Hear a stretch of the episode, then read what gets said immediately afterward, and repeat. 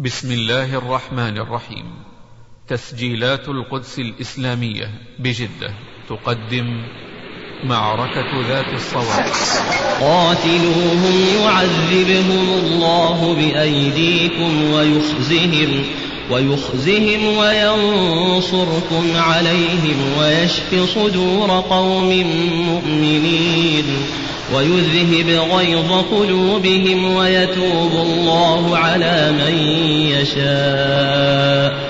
والله عليم حكيم. أمر عبد الله جنده أن يقتربوا من سفن أعدائهم فاقتربوا حتى لامست سفنهم سفن عدوهم معركة ذات الصواري فنزل الفدائيون إلى الماء وربطوا سفنهم بسفن الروم فصار ألف ومئتي سفينة في عرض البحر فكأنها قطعة أرض ستجرى عليها المعركة. وصار القتال قاسيا شديدا قويا على الطرفين وسالت الدماء غزيرة فاصطبغت لها صفحة الماء فصار أحمرا وترامت الجثث في الماء وتساقطت فيه. معركة ذات الصواب حاول الروم أن يغرقوا سفينة القائد المسلم عبد الله كي يبقى جند المسلمين دون قائد. فتقدمت من سفينته سفينة الرومية ألقت إلى سفينة عبد الله السلاسل لكي تسحبها إليها ولكن علقمة أنقذ السفينة والقائد. وذلك بأن ألقى بنفسه على هذه السلاسل فقطعها بسيفه ولا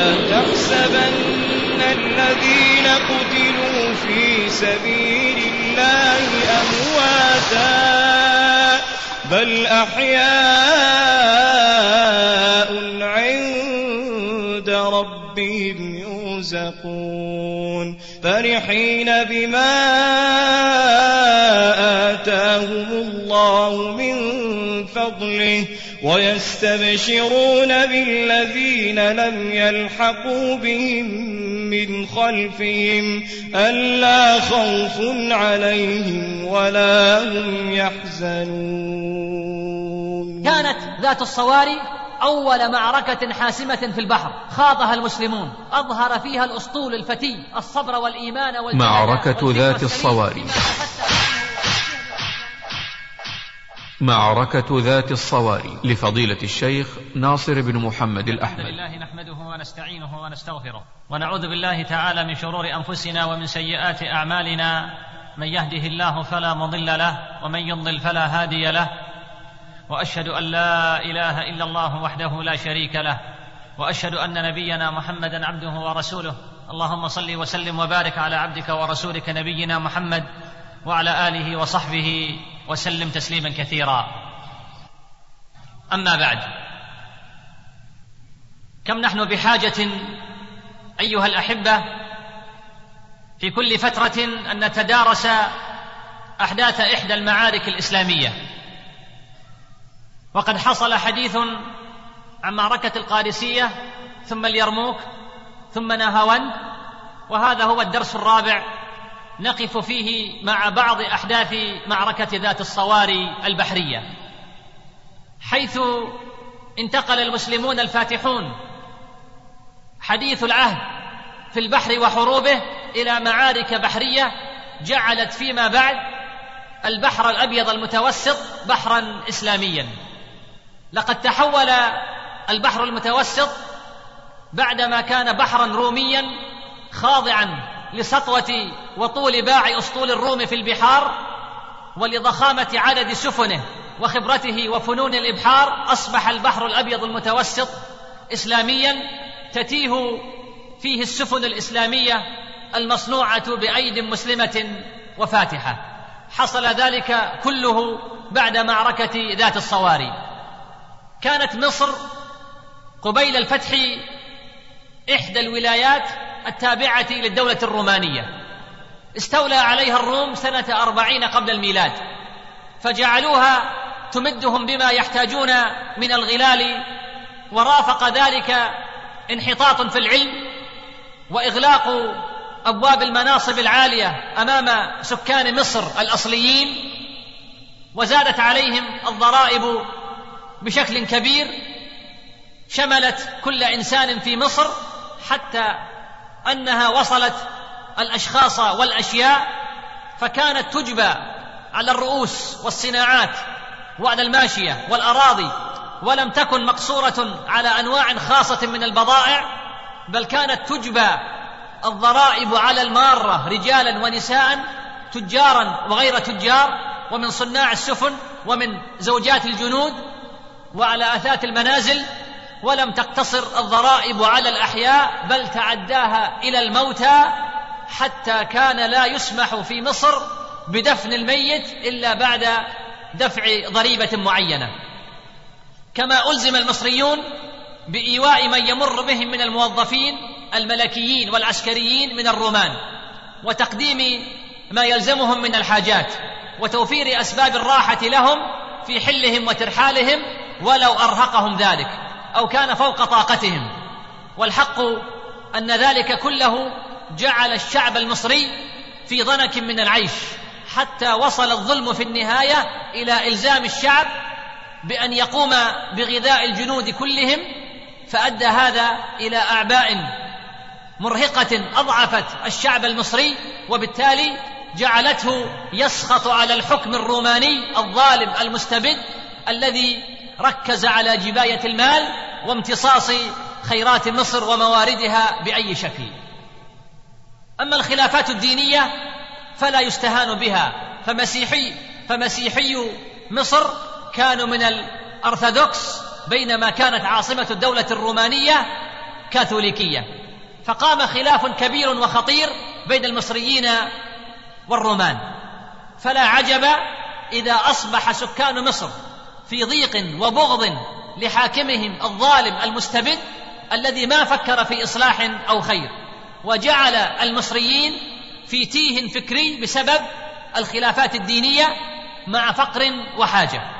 لذلك فرح المصريون بظفر المسلمين في اليرموك وبانهزام الروم وانسحابهم من سوريا وكان سرورهم أعظم عندما سمعوا عن معاملة المسلمين الفاتحين للشعوب فعلموا علم اليقين أن المسلمين ليسوا كغيرهم من الفاتحين. قدم عمر بن الخطاب رضي الله عنه إلى الجابية قرب دمشق سنة ثمان عشرة للهجرة فأتاه عمرو بن العاص رضي الله عنه وعن الصحابة أجمعين.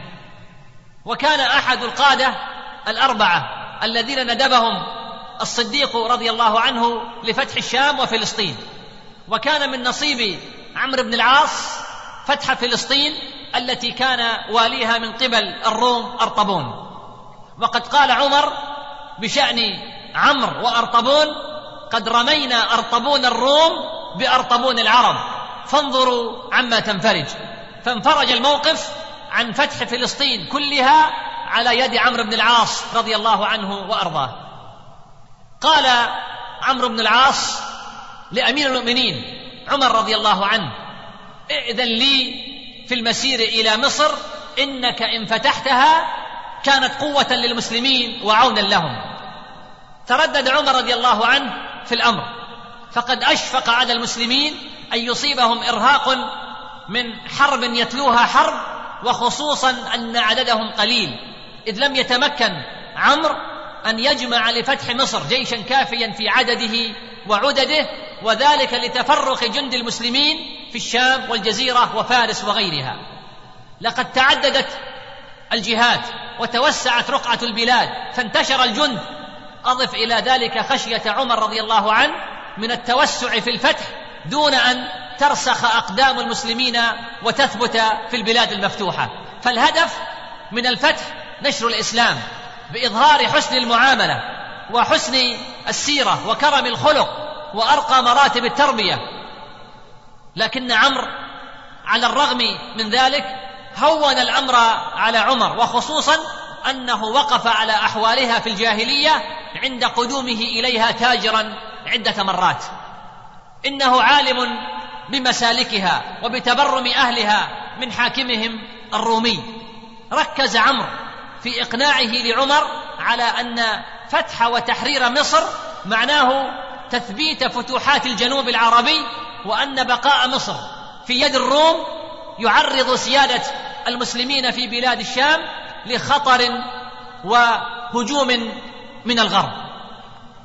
وما زال عمرو بعمر حتى أذن له بقصدها وعقد له اللواء فسار عمرو بن العاص رضي الله عنه وأرضاه باتجاه مصر ومعه أربعة آلاف رجل فقط.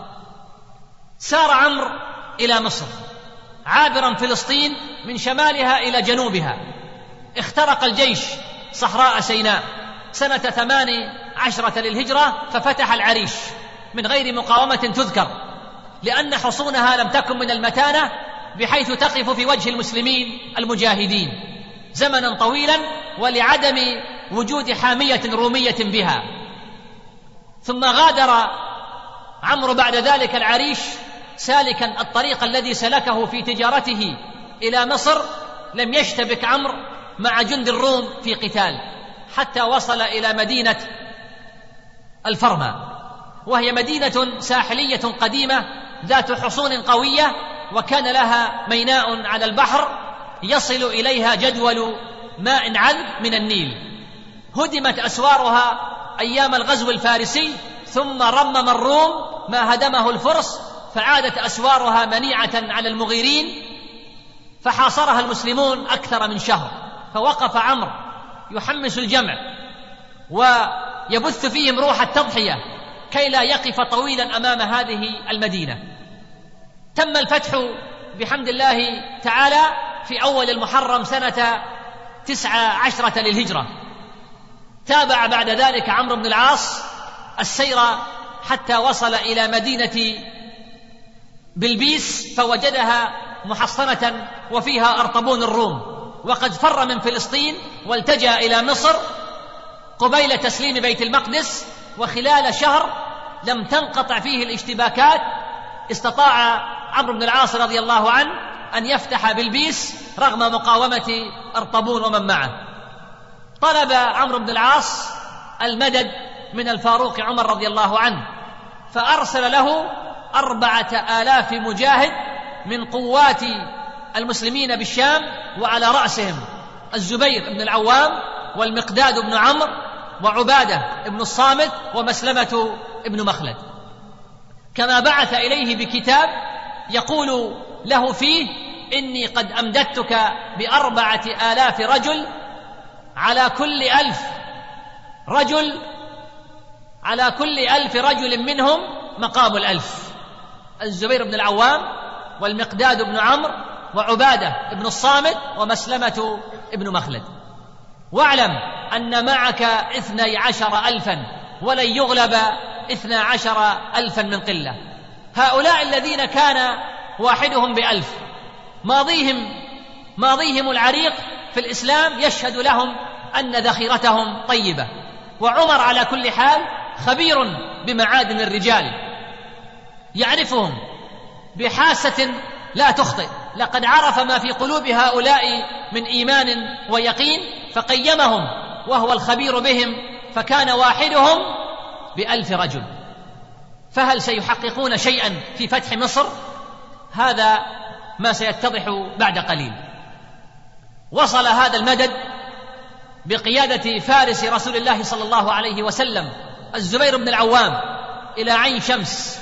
فسار عمرو لملاقاته ليكسب شرف استقبال أصحاب النبي صلى الله عليه وسلم.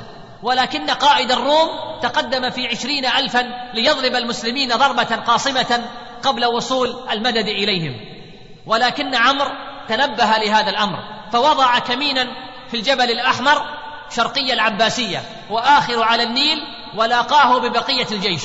ولما نشب القتال بين الفريقين خرج الكمين الذي كان في الجبل وانقض على الروم فاختل نظامهم واضطرب قائدهم فتراجع لينظم قواته فقابله الكمين الآخر فأصبح هو وجيشه بين جيوش المسلمين من ثلاث جهات.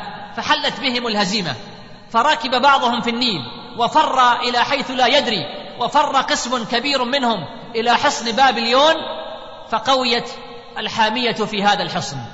لم يبق أمام عمرو بن العاص إلا حصن بابليون فإن فتح فتحت مصر كلها. ولكن طال بجيش عمرو بن العاص المكوث في أرض مصر وطالت وقفتهم أمام أسوار حصن بابليون وانتظر الفاروق أنباء الفتح ولكنها تأخرت في هذه المرة. فليس من عادة جيش المسلمين تأخره في فتح البلاد. لذلك غضب الفاروق أشد الغضب وخشي أن تكون الدنيا غيرت نفوس وقلوب الفاتحين فكتب إلى عمرو يقول له أما بعد فقد عجبت لإبطائكم في فتح مصر تقاتلونهم منذ سنتين وما ذاك إلا لما أحدثتم وأحببتم من الدنيا ما أحب عدوكم. وإن الله تبارك وتعالى لا ينصر قوما إلا بصدق نياتهم. وقد كنت وجهت إليك أربعة نفر وأعلمتك أن الرجل منهم مقام ألف رجل على ما كنت أعرف إلا أن يكون غيرهم ما غيرهم. فإن أتاك كتابي هذا فاخطب الناس وحضهم على قتال عدوهم ورغبهم في الصبر والنية وقدم أولئك الأربعة في صدور الناس ومر الناس جميعا أن يكون لهم صدمة كصدمة رجل واحد وليكن ذلك عند زوال يوم الجمعة فإنها ساعة تنزل الرحمة فيها ووقت للإجابة وليعج الناس إلى الله ويسألوه النصر على عدوهم. وصل هذا الخطاب فقرأه عمرو بن العاص رضي الله عنه فحاصر بمن معه عام عشرين للهجرة حاصر حصن بابليون. وكان ذلك وقت فيضان النيل مما أعاق إحراز النصر. فطال الحصار. ومع ذلك فالحصار باق على الحصن والمؤونة تتناقص في داخله. فأحرج ذلك موقف المقوقس في داخل الحصن وأعجب بالمسلمين وبشجاعتهم وصبرهم فخرج مع نفر من قومه بسفن ولحقوا بجزيرة الروضة. وكتب إلى عمرو إنكم قد ولجتم بلادنا وألححتم في قتالنا وطال مقامكم في أرضنا وإنما أنتم عصبة يسيرة وقد أضلتكم الروم وجهزوا إليكم ومعهم من العدة والسلاح وقد أحاط بكم هذا النيل وإنما أنتم أسارى في أيدينا فابعثوا إلينا رجالا منكم نسمع من كلامهم فلعله أن يأتي الأمر بيننا وبينكم على ما تحبون ونحب. وينقطع عنا وعنكم القتال. قبل أن تغشاكم جموع الروم فلا ينفعنا الكلام ولا نقدر عليه. ولعلكم أن تندموا. إن كان الأمر مخالفا لمطلبكم ورجائكم فابعثوا إلينا رجالا من أصحابكم نعاملهم على ما نرضى نحن وهم به في شيء. على ما نرضى نحن وهم به من شيء. فلما أتت عمرو رسل المقوقس حبسهم عنده يومين وليلتين. حتى خاف عليهم المقوقس فقال لأصحابه أترون أنهم يقتلون الرسل ويحبسونهم ويستحلون ذلك في دينهم؟ لقد استقبل عمرو رسل المقوقس كما تستقبل وتحترم الوفود. ولكنه رضي الله عنه أراد أن يطلع هؤلاء الرسل على حال جند الإسلام وكيف حياتهم كيف محبة بعضهم لبعضهم الآخر كيف صلاتهم كيف يتعاملون وكيف يحترمون ويحترمون. إن إبقاء الرسل عند المسلمين لمدة معينة خطة متبعة في الفتوحات الإسلامية وهي خطة تحقق أكثر من هدف. إنها تعطي فكرة عملية برؤية العين فتصبح الفكرة يقينا في نفس المشاهد عن حياة المسلمين. فيعظمون في نفوس أعدائهم خصوصا إذا رأى الرسل الوفد التواضع والمحبة والتكاتف والتضامن والرحمة. والإيمان والتقوى ومحبة الجند للقائد ومحبة القائد لجنده. جمع متمثل بواحد وواحد يمثل الجمع. بنيان مرصوص يشد ويكمل بعضه بعضا. وعند عودة الوفد يحدث بما رأى حتما فيحطم من حيث لا يدري معنويات قومه فتهبط معنوياتهم.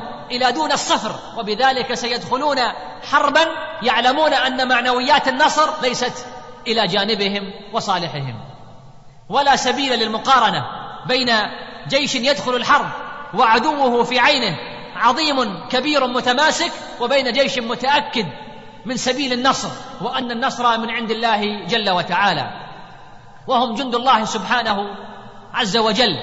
ولما رد عمرو رسل المقوقس قال لهم إنه ليس بيني وبينكم إلا إحدى ثلاث خصال. إما أن دخلتم في الإسلام فكنتم إخواننا وكان لكم ما لنا وعليكم ما علينا. وإن أبيتم فأعطيتم الجزية عن يد وأنتم صاغرون. وإما أن جاهدناكم بالصبر والقتال حتى يحكم الله بيننا وبينكم وهو خير الحاكمين. فلما جاءت رسل المقوقس إليه قال كيف رأيتم القوم؟ قالوا رأينا قوما الموت أحب إلى أحدهم من الحياة والتواضع أحب إليهم من الرفعة ليس لأحدهم في الدنيا رغبة ولا نهمة وإنما جلوسهم على التراب وأكلهم على ركبهم وأميرهم كواحد منهم ما يعرف رفيعهم من وضيعهم ولا السيد من العبد وإذا حضرت الصلاة لم يتخلف عنها منهم أحد يغسلون أطرافهم بالماء ويخشعون في صلاتهم. فقال المقوقس عند ذلك والذي يحلف به لو أن هؤلاء استقبلوا الجبال لأزالوها وما يقوى على قتال هؤلاء أحد ولئن لم نغنم صلحهم اليوم وهم محصورون بهذا النيل لم يجيبوننا بعد اليوم. إذا أمكنتهم الأرض وقووا على الخروج من موضعهم. فرد عليهم المقوقس رسله يقول لهم ابعثوا إلينا رسلا منكم نعاملهم ونتداعى عندهم إلى ما عساه يكون فيه صلاح لنا ولكم. فبعث عمرو بن العاص عشرة نفر أحدهم عبادة بن الصامت رضي الله عنه وكان رجلا طويلا وأمره عمرو على هؤلاء العشرة وأن يكون هو هو المتكلم وألا يجيبهم إلى شيء دعوه إليه إلا إحدى الخصال الثلاث. معللا ذلك بقوله فإن أمير المؤمنين قد تقدم إلي في ذلك وأمرني ألا أقبل إلا خصلة من هذه الخصال الثلاث. وكان عبادة رضي الله عنه أسود البشره فلما ركبوا السفن إلى المقوقس ودخلوا عليه تقدم عبادة رضي الله عنه. فهابه المقوقس لسواده وقال نحوا عني هذا الأسود وقدموا غيره يكلمني فقالوا جميعا إن هذا الأسود أفضلنا رايا وعلما وهو سيدنا وخيرنا والمقدم علينا وإنما نرجع جميعا إلى قوله وإلى رأيه وقد أمره الأمير دوننا بما أمره وأمرنا ألا نخالف رأيه وقوله. فقال المقوقس وكيف رضيتم أن يكون هذا الأسود أفضلكم؟ وإنما ينبغي أن يكون هو دونكم. قالوا كلا إنه وإن كان أسود كما ترى فإنه من أفضلنا موضعا وأفضلنا سابقة وعقلا ورايا وليس ينكر السواد فينا. فقال المقوقس لعبادة تقدم يا أسود وكلمني برفق. فتقدم إليه عبادة بن الصامت رضي الله عنه فقال قد سمعت مقالتك وإني في من خلفت من أصحابي ألف رجل كلهم مثلي وأشد سوادا مني وأفظع منظرا ولو رأيتهم لكنت أهيب لهم مني وأنا قد وليت وأدبر شبابي وإني مع ذلك بحمد الله ما أهاب مائه رجل من عدوي لو استقبلوني جميعا وكذلك أصحابي. فلما سمع المقوقس منه قال لمن حوله هل سمعتم مثل كلام هذا الرجل قط؟ لقد هبت منظره وإن قوله لأهيب عندي من منظره. إن هذا وأصحابه أخرجهم الله لخراب الأرض. وما أظن ملكهم إلا سيغلب الأرض كلها. ثم أقبل المقوقس على عبادة بن الصامت رضي الله عنه فقال أيها الرجل الصالح قد سمعت مقالتك وما ذكرت عنك وعن أصحابك وقد توجه إلينا لقتالكم من جمع الروم ما لا يحصى عدده. قوم معروفون بالنجة والشدة ممن لا يبالي أحدهم من لقي ولا من قاتل.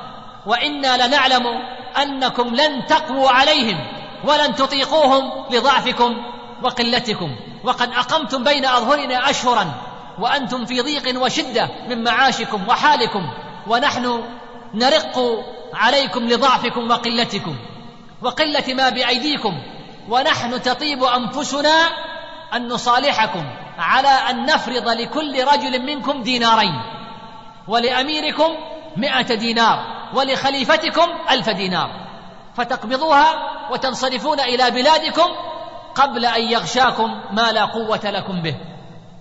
فقال عبادة يا هذا لا يغرن نفسك ولا أصحابك أما ما تخوفنا به من جمع الروم وكثرتهم وعددهم وأنا لا نقوى عليهم فلعمري ما هذا بالذي تخوفنا به ولا بالذي يكسرنا عما نحن فيه. وما منا رجل إلا وهو يدعو ربه صباحا ومساء أن يرزقه الشهادة والا يرده إلى بلده ولا إلى أرضه ولا إلى أهله وولده. وليس لأحد منا فيما خلفه وقد استودع كل واحد منا ربه وأهله وولده. وإنما همنا ما أمامنا. وإن أبيتم فليس بيننا وبينكم إلا المحاكمة للسيف. حتى نموت عن آخرنا أو نصيب ما نريد منكم. هذا ديننا الذي ندين الله جل وتعالى به ولا يجوز لنا فيما بيننا وبينه غيره فانظروا لأنفسكم.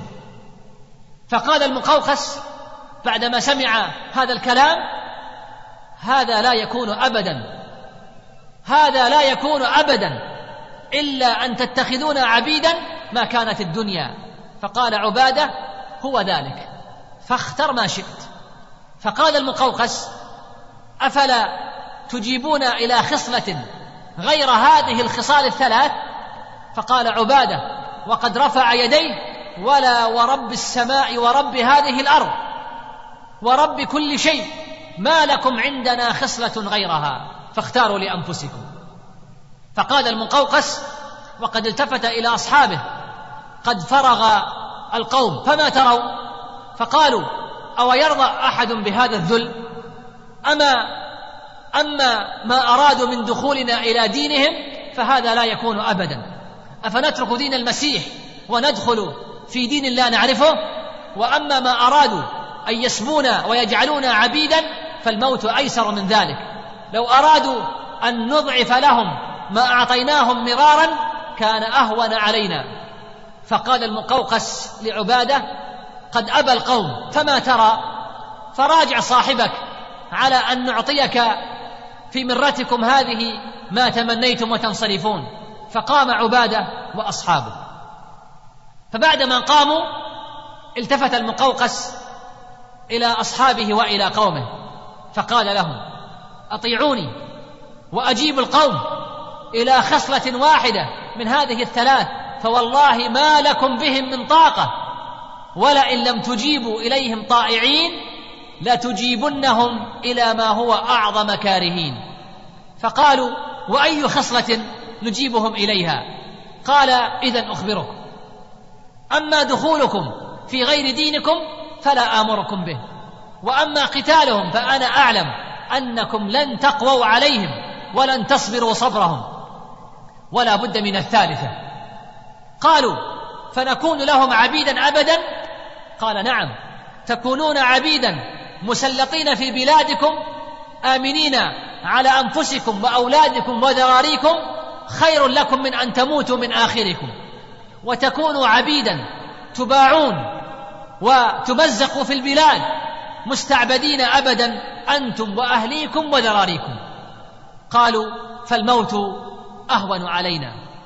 وكان لرسالة عمر إلى عمرو أثر كبير في نفس الزبير بن العوام رضي الله عنه.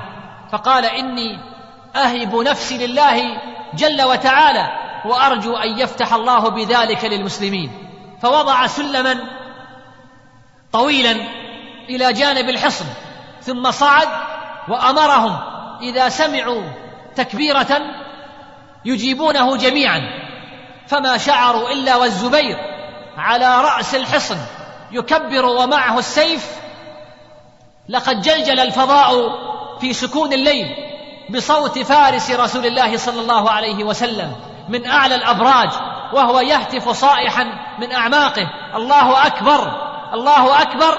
ويصيح وقد لف رأسه بعمامة صفراء علامة حب الموت أو النصر.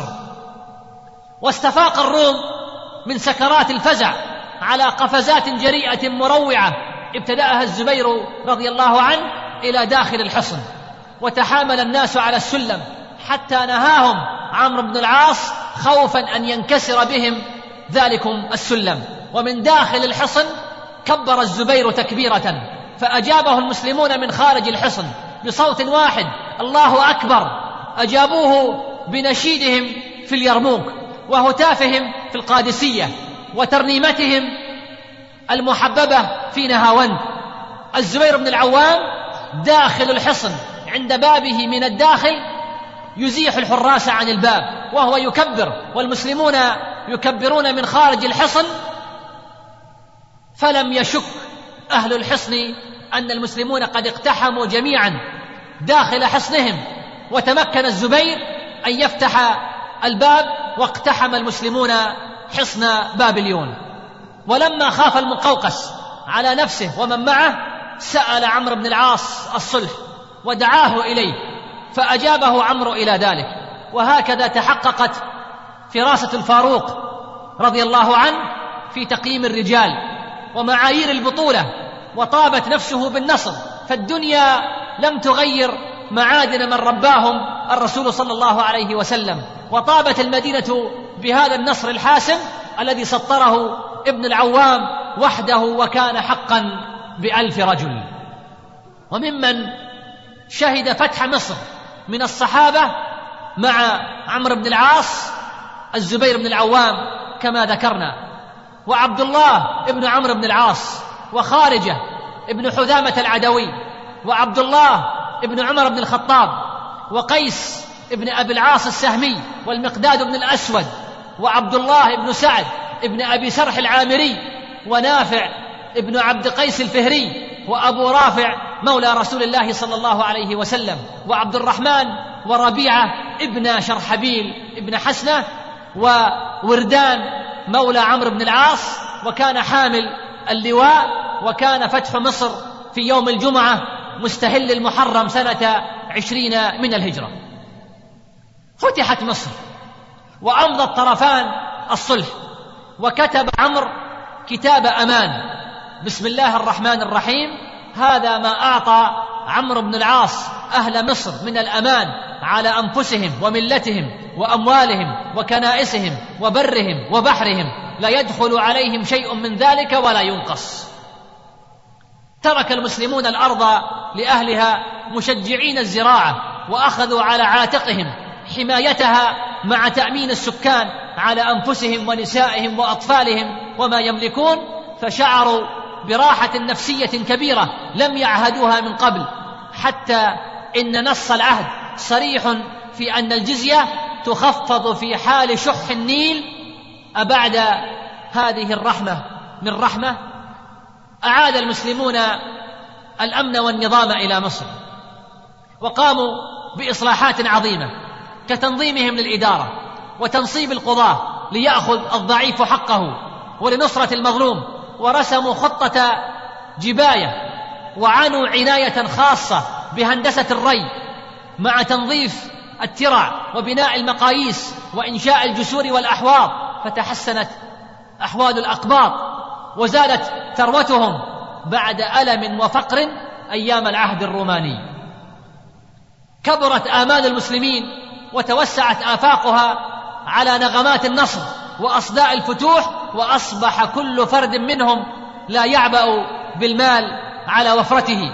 وأصبح هم الجميع أن تعم كلمة التوحيد أقطار الدنيا حتى لا تكون فتنة ويكون الدين كله لله. وهكذا أصبحت مصر أيام عثمان بن عفان رضي الله عنه منطلق الجيوش إلى شمال أفريقيا حتى بحر الظلمات كما بدأ المسلمون في بناء السفن ليتم لهم بناء الجيش القوي المكتمل برا وبحرا. ولما ولي معاوية ابن أبي سفيان الشام ألح على عمر الفاروق في غزو البحر وذلك لقرب الروم من السواحل العربية.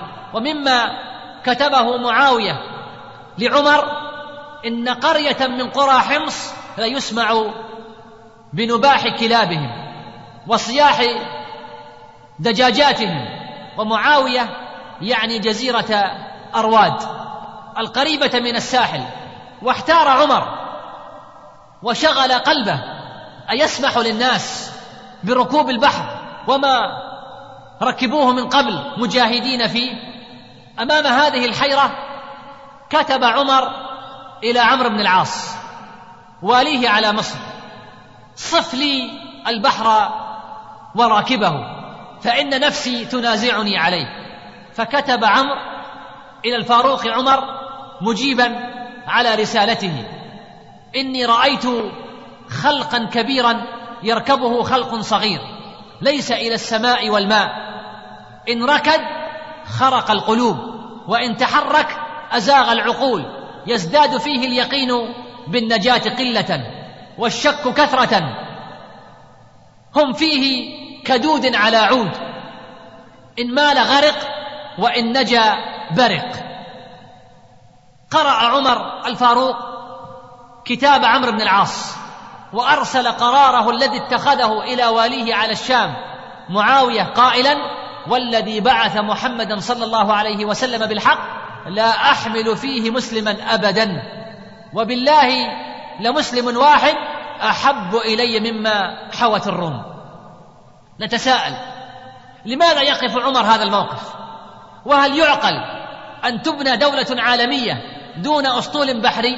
عمر العبقرية المتميزة في كل شيء بحنكتها وسعة أفقها وروعة اجتهادها وعظمة قلبه رضي الله عنه. هل يعقل أنه وقف موقفه هذا لمجرد وصول رسالة عمرو بن العاص من مصر؟ وقف عمر رضي الله عنه موقفه هذا لأسباب. من ذلك خوفه على أرواح المسلمين حيث إنهم ما عهدوا ركوب البحر. مقاتلين فيه وأسطولهم فتي حديث ودولة الروم دولة عريقة في علوم البحار وفنونه تسيطر بأسطولها القوي متكئة على خبرة طويلة ورصيد كبير من التجارب على البحر المتوسط. فهو منعهم من الغزو في البحر شفقة عليهم. ولما غزا العلاء بن الحضرمي الذي كان على البحرين من قبل عمر في البحر وقد نهاه عن ذلك فأصيب المسلمون هناك على ساحل فارس المقابل للبحرين واستطاع القائد الفارسي أن يوقع خسارة كبيرة بجند العلاء فصار عمر لا يأذن لأحد في ركوب البحر غازيا مجاهدا ولكن عمر لم يعارض في بناء أسطول حربي فهو يعلم أن أسطولا يبنى في سواحل بلاد الشام في عكا خصوصا وآخر يبنى في مصر فهو لم يعارض هذا العمل. فعمر رضي الله عنه أوسع أفقا وليس المهم أن يغزو إنما المهم كسب وتأمين أسباب النصر وسيحين موعد انطلاق البحر فلكل أجل كتاب. ولما تولى عثمان بن عفان رضي الله عنه الخلافة بعد عمر كتب إليه معاوية رضي الله عنه يستأذنه في غزو البحر. وبعد أن استكمل معاوية الاستعدادات وافق عثمان على طلبه ولكنه اشترط عليه شروطا فكتب إليه لا تنتخب الناس ولا تقرع بينهم خيرهم فمن اختار الغزو طائعا فاحمله وأعنه وبالفعل سار معاوية على شرط عثمان وانتهجه. لقد بنى اسطولا بأيد إسلامية فكانت مراكبه نواة الأسطول الإسلامي الذي جعل البحر الأبيض المتوسط فيما بعد بحرا اسلاميا. استعمل معاوية على البحر عبد الله بن قيس الجاسي فاستطاع فتح قبرص. وكان في هذا الجند أبو ذر وعبادة بن الصامت وزوجته أم حرام وأبو الدرداء رضي الله عن الجميع. ولما فتحت قبرص وتم الصلح بكى أبو الدرداء رضي الله عنه فسأله جبير ابن نفير ما يبكيك في يوم أعز الله فيه الإسلام وأهله؟ فقال جبير فضرب منكبي بيده وقال ما أهون الخلق على الله ما أهون الخلق على الله إذا تركوا أمره بينما هي أمة ظاهرة قاهرة للناس لهم الملك. إذ تركوا أمر الله فصاروا إلى ما ترى. وفي هذه الغزوة ماتت أم حرام بنت ملحان زوج عبادة ابن الصامت الأنصارية رضي الله عنها ألقتها بغلتها فاندقت عنقها فماتت وتحققت نبوءة الرسول صلى الله عليه وسلم حيث أخبرها أنها أول من يغزو في البحر من أمة الإسلام. بعد أن عزل عمرو بن العاص عن مصر ولي عليها عبد الله بن سعد بن أبي سرح سنة سبع وعشرين للهجرة. فكر عبد الله في غزو إفريقيا جنوب ليبيا. فاستأذن عثمان فأذن له بعد أن أرسل إليه جيشا من المدينة فيه أعيان الصحابة. انقطعت أخبار هذا الجيش عن عاصمة الخلافة فأرسل عثمان عبد الله بن الزبير لموافاته بأخبار جنده. وصل ابن الزبير إلى مواقع الجيش جنوب صحراء ليبيا فلم ترق له الخطة التي كان عليها ابن أبي سرح فاستسلم فاستلم القيادة وشرع في تنفيذ خطة جديدة. رأى ابن الزبير قتال المسلمين كل يوم من الفجر إلى الظهر فإذا أذن الظهر عاد كل فريق إلى خيامه. فقال إن أمرنا يطول مع هؤلاء بهذه الطريقة وهم في أمداد متصلة وبلاد هي لهم. ونحن منقطعون عن المسلمين وعن بلادنا.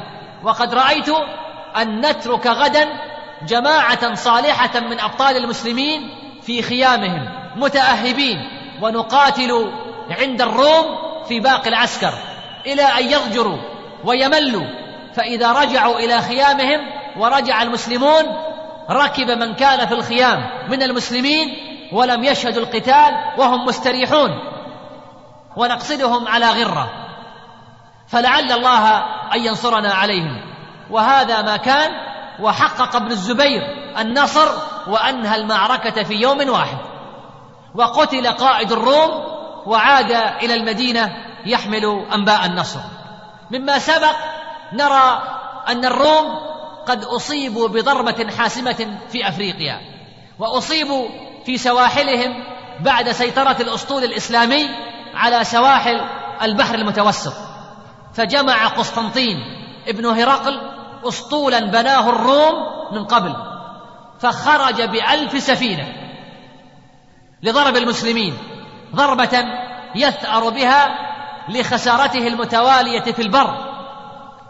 فأذن عثمان ابن عفان رضي الله عنه للمسلمين بالغزو في البحر فأرسل معاوية مراكب الشام بقيادة بسر ابن أرطأة واجتمع مع عبد الله بن سعد بن أبي سرح في مراكب مصر وكانت كلها تحت إمرته ومجموعها مئتي سفينة فقط مقابل ألف سفينة. سار هذا الركب وفيه أشجع المجاهدين المسلمين ممن أبلوا في الحروب السابقة بلاء حسنا.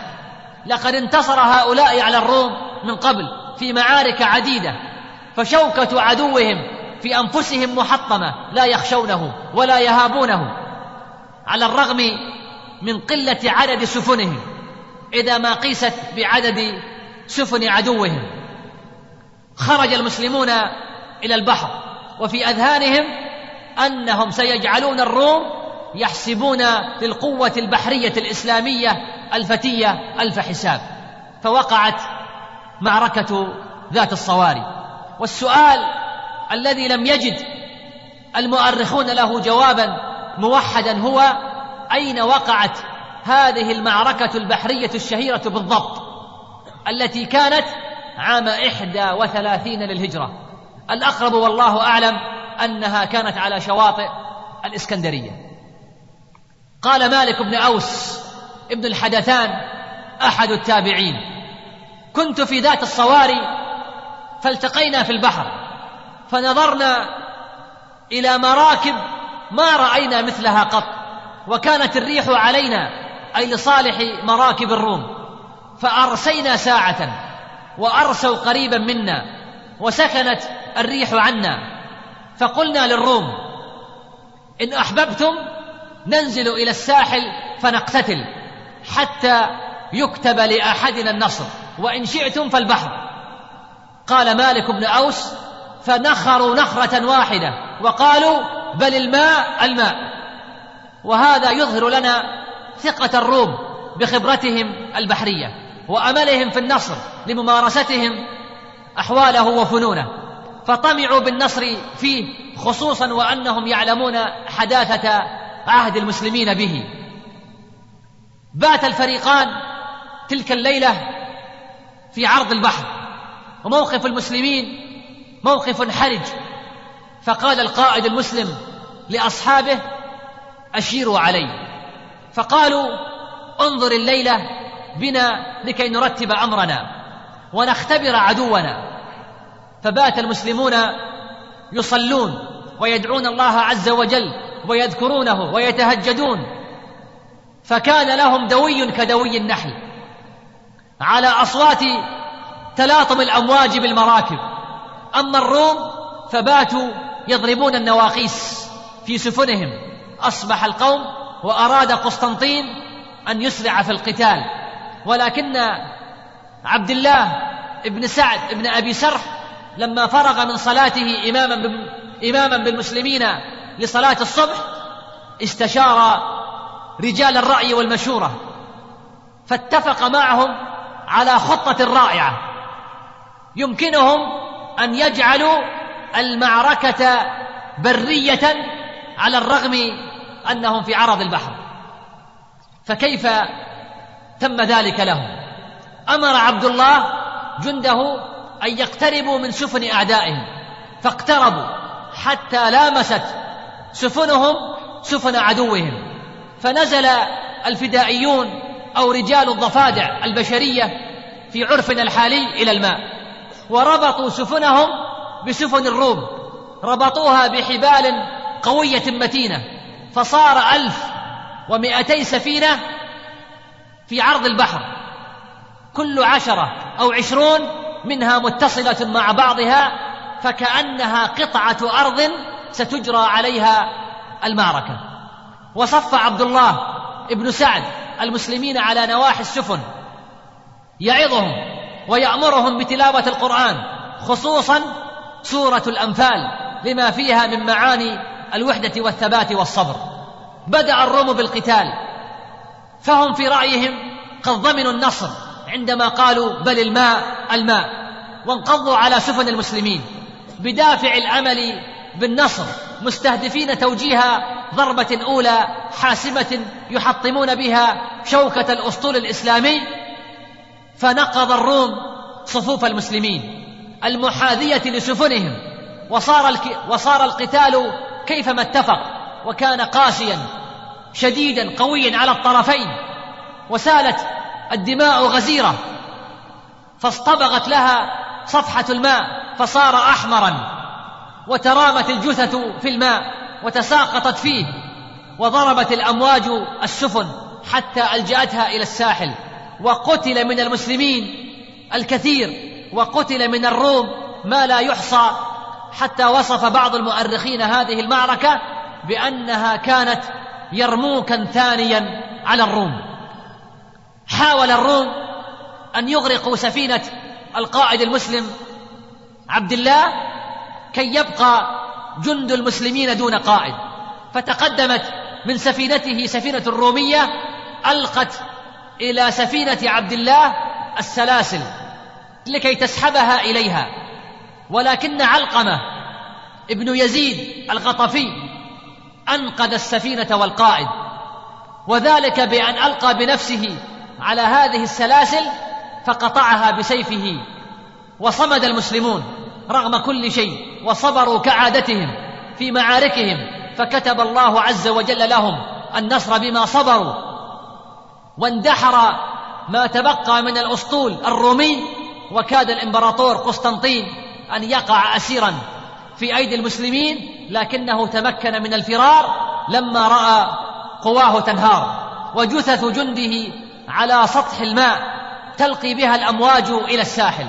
لقد رأى أسطوله البحري الذي تأمل منه خيرا ونصرا يغرق قطعة بعد أخرى ففر مدبرا والجراحات في جسمه والحسرة تأكل فؤاده يجر خيبة وفشلا فوصل إلى جزيرة صقليه فسأله أهلها عن أمره فأخبرهم بما حصل بما حصل لهم فقالوا أهلكت النصرانية وأفنيت رجالها لو دخل المسلمون لم نجد من يردهم.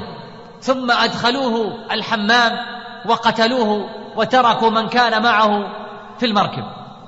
نختم معاشر الأحبة أخبار هذه المعركة بوقفات سريعة. اولا سميت هذه المعركة بذات الصواري لأن صواري السفن ربطت بعضها مع بعض. المسلمة والرومية والصواري جمع صار وهو الخشبة المعترضة وسط السفينة. ثانيا كانت ذات الصواري أول معركة حاسمة في البحر خاضها المسلمون.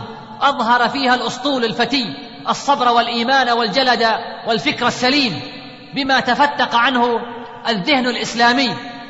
خطة جعلت المعركة صعبة على أعدائهم فاستحال عليهم اختراق صفوف المسلمين بسهولة كما استخدم المسلمون خطاطيف طويلة يجرون بها صواري وشرع سفن الأعداء الأمر الذي أنهى بكارثة بالنسبة للروم. ثالثا كانت ذات الصواري حدا فاصلا في سياسة الروم إزاء المسلمين فأدركوا فشل خططهم في استرداد هيبتهم أو استرجاع مصر أو الشام وانطلق المسلمون في عرض هذا البحر الذي كان بحرا روميا وانتهى اسم بحر الروم إلى الأبد. واستطاع المسلمون فتح قبرص وسردينيا وصقليا وجزر الباليار ووصلوا إلى مرسيليا. رابعا كان في جند المسلمين بعض الذين غررت بهم أفكار وسموم عبد الله بن سبأ اليهودي ومع كونهم اثنين فقط لكنهم شكلوا طابورا خامسا. تنبه له المسلمون خصوصا عندما حاولوا بذر سمومهم فقالوا كيف يولي عثمان؟ عبد الله بن سعد وفي الجن من هو أفضل منه؟ لقد تحققت فراسه عثمان به. لقد أحرز نصرا وقاد الجند بحكمة ولا يعيب على عثمان توليته قريبا له ما دامت أهلية القيادة متوفرة فيه. فلا تمنع القرابة حق القيادة لمن هو أهل لها. لقد أثبت فارس بني عامر بن لؤي عبد الله بن سعد أنه قائد في البر وأنه قائد في البحر. فقد كان على ميمنة عمرو بن العاص لما فتح مصر وفي حروبه كلها وقد دعا في آخر حياته اللهم اجعل خاتمة عملي الصلاة فصلى الصبح رضي الله عنه ثم توفي رحمه الله عنه رحمة واسعة.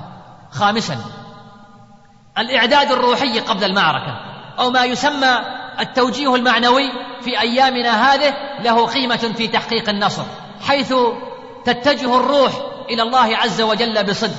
فهذا المؤمن الذي بات ليلة في تهجد وذكر ودعاء يستمد العون من الله من عظمته من عزته بعد أن هيأ الأسباب.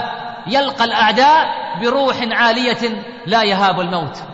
سادسا أصبح البحر المتوسط بحرا اسلاميا وصار الأسطول الإسلامي سيد مياه البحر الأبيض المتوسط. وهذه السطوة ليست للتسلط والقرصنة بل للتحرير. فأينما حلوا حل العلم والخير والرفاهية والعدالة الإنسانية. بعدها عكف المسلمون على دراسة العلوم البحرية وصناعة السفن وكيفية تسليحها وأسلوب القتال من فوقها وعلوم الفلك المتصلة بتسييرها في البحار ومعرفة مواقعهم. على المصورات البحرية المختلفة فعرفوا البوصلة الفلكية وطوروها إلى المدى الذي استفاد منه بعد ذلك البحارة الغربيون في اكتشافاتهم. سابعا صح عن رسول الله صلى الله عليه وسلم. عددا من الأحاديث في فضل الغزو في البحر. من ذلك حديث أم حرام بنت ملحان في صحيح البخاري. عن أنس بن مالك رضي الله عنه قال كان رسول الله صلى الله عليه وسلم يدخل على أم حرام بنت ملحان فتطعمه وكانت أم حرام تحت عبادة ابن الصامت فدخل عليها رسول الله صلى الله عليه وسلم فأطعمته وجعلت تفلي رأسه. فنام رسول الله صلى الله عليه وسلم. ثم استيقظ وهو يضحك. قالت فقلت وما يضحكك يا رسول الله؟ قال ناس من أمتي عرضوا علي غزاة في سبيل الله يركبون ثبج هذا البحر مثل الملوك على الأسرة. قالت فقلت يا رسول الله ادعو الله أن يجعلني منهم. فدعا لها رسول الله صلى الله عليه وسلم. ثم وضع رأسه ثم استيقظ وهو يضحك. فقلت وما يضحكك يا رسول الله؟ قال ناس من أمتي عرضوا علي غزاة في سبيل الله كما قال في الأول. قالت فقلت يا رسول الله ادعو الله أن يجعلني منهم. قال أنت من الأولين. فركبت البحر في زمان معاوية ابن أبي سفيان فصرعت عن دابتها حين خرجت من البحر فهلكت. وقال صلى الله عليه وسلم أول جيش من أمتي يغزون البحر قد أوجبوا. ثم قال أول جيش من أمتي يغزون مدينة قيصر مغفور لهم رواه البخاري. وعن يعلى بن شداد عن أم حرام عن النبي صلى الله عليه وسلم أنه قال المائد في البحر الذي يصيبه القيء له أجر شهيد والغرق له أجر شهيدين. رواه أبو داود وهو حديث صحيح. وقال صلى الله عليه وسلم غزوة في البحر خير من عشر غزوات في البر ومن أجاز البحر فكأنما أجاز الأودية كلها والمائد فيه كالمتشحط في دمه صححه الإمام الألباني رحمه الله تعالى في صحيح الجامع والحمد لله اولا واخرا وظاهرا وباطنا وأصلي وأسلم على عبده ورسوله نبينا محمد وعلى آله وصحبه وسلم تسليما كثيرا. مع تحيات إخوانكم في تسجيلات القدس الإسلامية بجدة. رقم الهاتف ستة خمسة أربعة للتسجيلات الإسلامية. دبي رقم الهاتف اثنين ستة سبعة أربعة أربعة أربعة واحد. والسلام عليكم ورحمة الله وبركاته.